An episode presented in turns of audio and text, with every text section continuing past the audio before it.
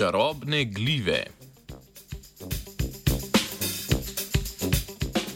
O čarovniških krogih obstajajo številne vprašanja, ki jih znanosti še ni uspelo pojasniti. Ta vprašanja sicer nimajo nobene povezave s hudičem, okultnim ali dejanskimi čarovnicami, temveč predvsem z vzorci rasti glivnega micelija. Čarovniški oziroma vilinski krog je namreč ime za naravno formacijo, za katero je značilna bujna krožna rast vegetacije v povezavi s podzemnim razraščanjem podgobja.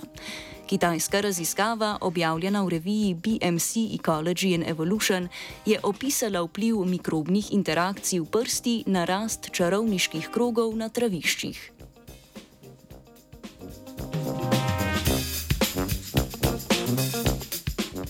Čarovniški krog sestavljata dve značilni coni: obroč bujne in visoke vegetacije na obrobju ter center oziroma notranjost kroga, v kateri rastline slabše uspevajo. Raziskovalna skupina je primerjala vzorce oduzete iz centra, obroča in zunanje okolice čarovniških krogov na traviščih v kitajski provinci Hebei.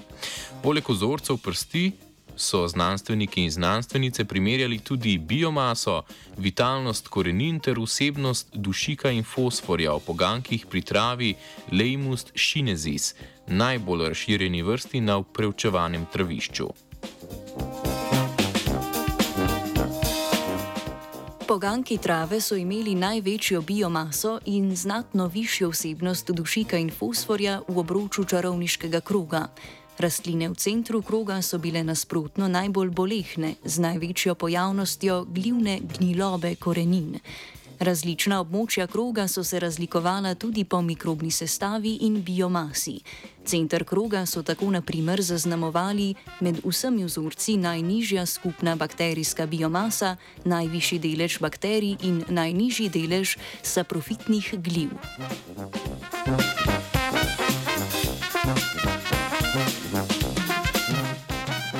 Tako v centru kot tudi obroču kroga je bil skupen kar štirikrat manjši delež kolonizacije travnih korenin z arbuskularno mikorizo v primerjavi z zunanjo okolico.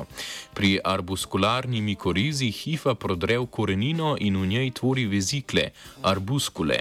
S tem rastlini omogoči lažji privzem hranil, med drugim fosforja in dušika, korenine pa lahko tudi delno zaščiti pred udorom patogenih organizmov. Raziskovalci in raziskovalke so na podlagi dobljenih rezultatov sklepali o sosledju dogodkov, ki naj bi vodili razvoj čarovniških krogov.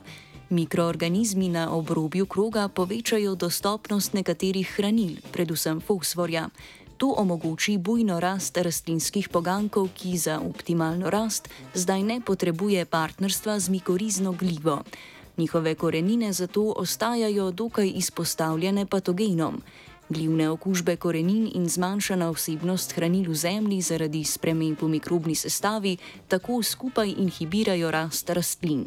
Končen rezultat: zmanjšana rast vegetacije v sredini čarovniškega kroga in obroč visoke trave na obrobju, brez potrebe po delovanju kakršnih koli paranormalnih sil. Znanstveni Britov je ščarala bronja.